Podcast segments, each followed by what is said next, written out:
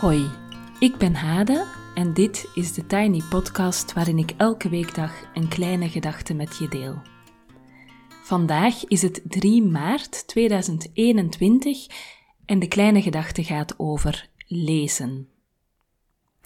En voor ik daar iets over ga vertellen, wil ik eerst even een dankjewel uitspreken aan Anne-Suzanne en aan Evie, die me trakteerden op een koffietje via het vrijblijvende betalingje in de show notes. Dankjewel, dames. Ik kreeg vorige week een heel lieve mail waar onder andere deze vraag in stond. En ik ga deze vraag even voorlezen, maar ik hou de afzender uiteraard anoniem. Um, en deze vrouw die me mailde schreef dit. Ik vroeg me af of je me wat tips kan geven rond lezen. Ik bedoel het informatieve lezen. Ik denk aan jouw boekenstapel te zien dat jij dat heel vaak doet en daar veel kennis uit vergaart. Ik hoorde je ook ooit in een tiny podcast, ik denk dat het over moeilijke dagen ging, zeggen dat je dan voor het lezen de timer opzet voor een half uurtje om dat dan toch gedaan te hebben. Ik heb de ervaring dat dat zo moeilijk gaat, mij op informatief lezen concentreren. Ik bedoel niet het soort boeken als Ongetemd lezen of Sapiens of zo, dat leest best makkelijk weg, maar als het ingewikkelder wordt, zoals bijvoorbeeld actieve hoop, als je echt je verstand erbij moet houden en een redenering probeert te volgen en zelfs op te pikken, dan lukt het zo moeilijk. Mijn brein lijkt zo wattig te zijn geworden of zo. Gek genoeg heb ik dat zo vaak gedaan uh, tijdens mijn studie heb ik heel veel zelfstudie en lectuurstudie gedaan en dat ging prima. Ik hield daar ook echt van. Maar nu is dat moeilijk geworden.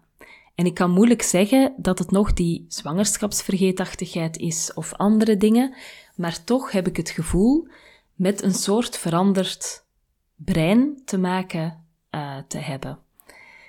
Uh, misschien veel te lang in de moederschapskokon gezeten of zo. Heb jij die ervaring ook, al dan niet gehad? En zo ja, hoe ben je die te boven gekomen? Heb je tips over hoe je dit aanpakt of aanpakte? En misschien ben ik niet de enige die daarmee worstelt. Voilà, dit mailtje kreeg ik, uh, waarvoor veel dank. Um, en ik denk dat deze vrouw zeker niet de enige is die daarmee worstelt. Ik worstel er zelf ook mee en ik denk dat er best een grote kans is dat jij er ook mee worstelt. Ik wil trouwens ook heel even zeggen um, dat als je dit soort vragen voor mij hebt, dat ik het ook heel leuk vind als je die instuurt um, de tinypodcast.gmail.com. Want ik vind het heel fijn om een podcast te kunnen maken naar aanleiding van zo'n concrete vraag. Dus als je een vraag hebt, um, zoals deze zeg maar, dus niet van wat eet je ochtends op je boterham, dat wil ik op zich ook wel vertellen. Uh, of, uh, nou ja, uh, dit soort vragen vind ik heel leuk om even dieper op in te gaan.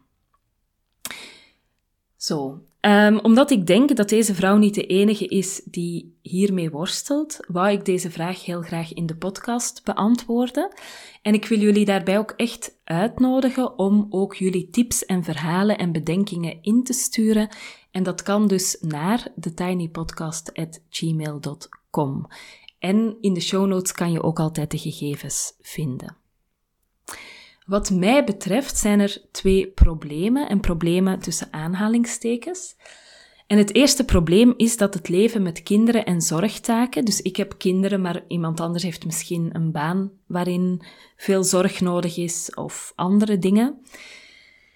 Dat leven um, en gewoon het leven in het algemeen, zeg maar, um, geeft een niet ophoudende stroom aan praktische issues hoe je het ook draait of keert, of je nu alleen leeft of met een gezin, of je nu drie kinderen hebt of acht, um, een aantal processen moet altijd aandacht blijven krijgen. Hè? Je moet bijvoorbeeld zorgen dat er schone kleding is, dat er eten is, dat het huis schoon is, of schoon genoeg, dat de rekeningen betaald zijn enzovoort. Um, zelfs al ben je een lucky one en heb je mensen die dat voor jou doen, dan nog vraagt een deel van uh, jouw aandacht, of dan nog vraagt het een deel van jouw aandacht om dat aan te sturen en te overzien. Dus ik denk, zelfs al heb je een heel leger aan personeel, en ik denk dat weinig mensen die naar deze podcast luisteren een batterij personeel hebben lopen voor de was en de plas, en zelfs al heb je een fantastische taakverdeling thuis, dan nog vraagt de was en de plas, om het maar even zo te zeggen, en dan bedoel ik dus ook de rekeningen en allerlei dingen, uh, en de post en alles wat aandacht vraagt, dat vraagt dus een deel van jouw energie. En die was en de plas, zoals ik het nu dus even noem, vraagt een heel andere modus dan de modus die je nodig hebt om te lezen en om nieuwe info in je op te nemen. En het is echt heel moeilijk om om te schakelen van die actiemodus, uh, doelmodus, een besluit nemen, wat een heel ander deel van je brein ook um, ja, activeert, dan um, de modus, zeg maar, van lezen, concentratie, uh, soort van diep in iets duiken. Dat vraagt heel andere processen in je hoofd en het is heel moeilijk om die overgang te maken.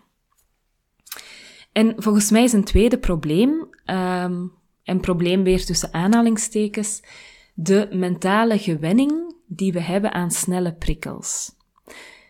Als je bijvoorbeeld een oude film kijkt van, laten we zeggen, 15 jaar geleden, valt het mij echt al op hoe traag en weinig flitsend dat allemaal is. Toen vonden we dat normaal en nu gaat zo'n film net te traag voor ons brein en zoals ons brein op dit moment het gewend is. Um, ik loop wel eens uh, in het donker door de stad en hier in Haarlem hebben weinig mensen gordijnen. Um, en als je dan voorbij de huizen loopt, dan zie je, dan kijk je binnen en dan zie ik echt uh, mensen die tv zitten te kijken en terwijl op hun telefoon zitten. Of mensen die met twee op de bank zitten. Er is bij ons uh, in de buurt zo'n koppel, die zitten altijd met twee op de bank. Die zijn ook in gesprek. Die hebben een glas wijn. De tv staat uit, maar die hebben allebei in hun rechterhand een telefoon. Dus die zitten tegelijkertijd met elkaar en met die telefoon uh, bezig. Dus ik denk dat wij, en dat is niet onze schuld, denk ik, maar dat er wel een soort van. dat onze, ja, ons brein eigenlijk in deze maatschappij gewend is aan een bepaald level van prikkels. Ik las vandaag nog een artikel van een man uh, die zich volledig, eigenlijk was het door een vrouw geschreven, en ze schreef over die man. Um, en die man had zich volledig verdiept in alle manieren om zijn telefoon minder te gebruiken en niet verslaafd te zijn aan zijn telefoon. En ondanks al die kennis en experimenten was hij tot een soort van conclusie gekomen dat het enige dat hij kon doen zijn telefoon weggooien was, want hij had echt allerlei dingen geprobeerd, zoals ruimtes afbakenen in het huis waar die telefoon niet gebruikt mocht worden en alle notificaties uitzetten en nou, zeg maar, regels stellen. En ondanks dat bleef die telefoon enorm veel macht over hem houden. En ik ga nu even een citaat uit dat artikel voorlezen. Het artikel staat vandaag in NRC, is geschreven door Ellen de Bruin en het heet Ik wil van mijn smartphone af. En een citaat dat ik wil voorlezen is dit. Wouter vertelt over psycholoog, psycholoog Daniel Levitin en diens theorie dat het brein twee standen heeft. Aan de ene kant focus, flow, helemaal opgaan in iets, en aan de andere kant lummelen en dagdromen. Maar de smartphone zorgt er volgens mij voor dat je brein in het niksige midden zit, met allemaal korte termijn impulsjes die je afhouden van waar het om gaat. Je concentreert je nergens echt op en je bereikt ook niet die toestand van prettige leegte in je hoofd waarin vaak de beste ideeën opkomen.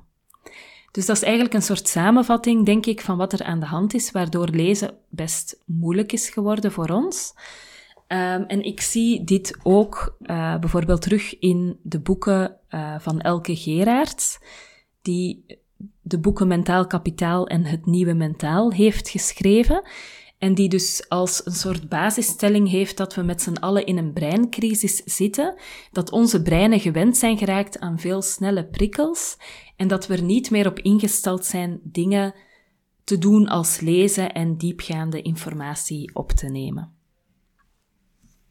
Ik probeer te blijven lezen, maar ik merk dat het echt heel moeilijk is om mentaal de rust ervoor te vinden in een leven waar alles schreeuwt om aandacht, van de was die uit de machine moet tot mails die binnenkomen en een to-do-lijst waar geen einde aan komt.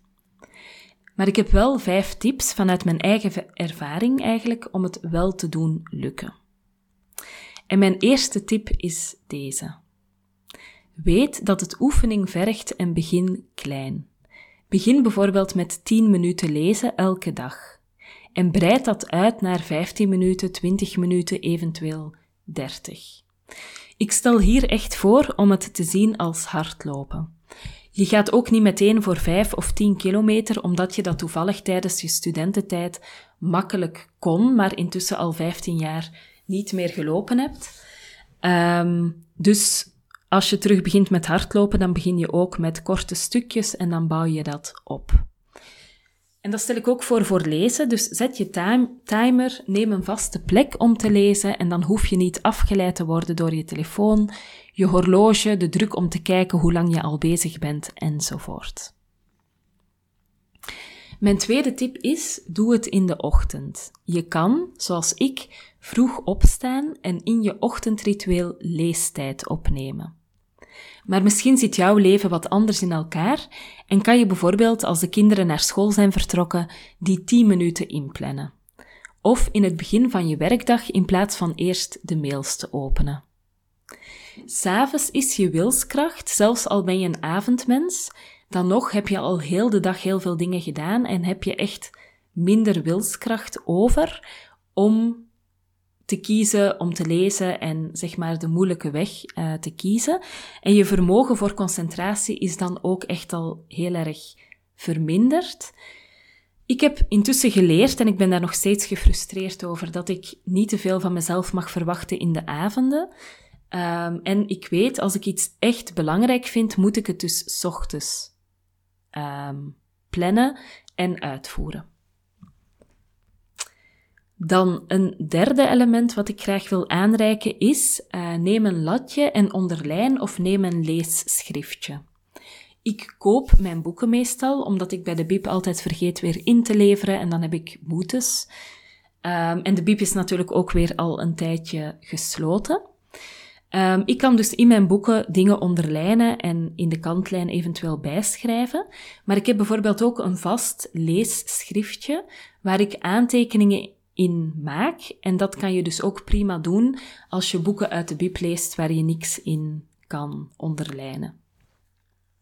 Het, leven zon, het lezen sorry, sorry, zonder aantekeningen maken geeft mij het angstige gevoel dat ik het weer kwijtgeraak, uh, dus dat ik dat lezen eigenlijk voor niks doe.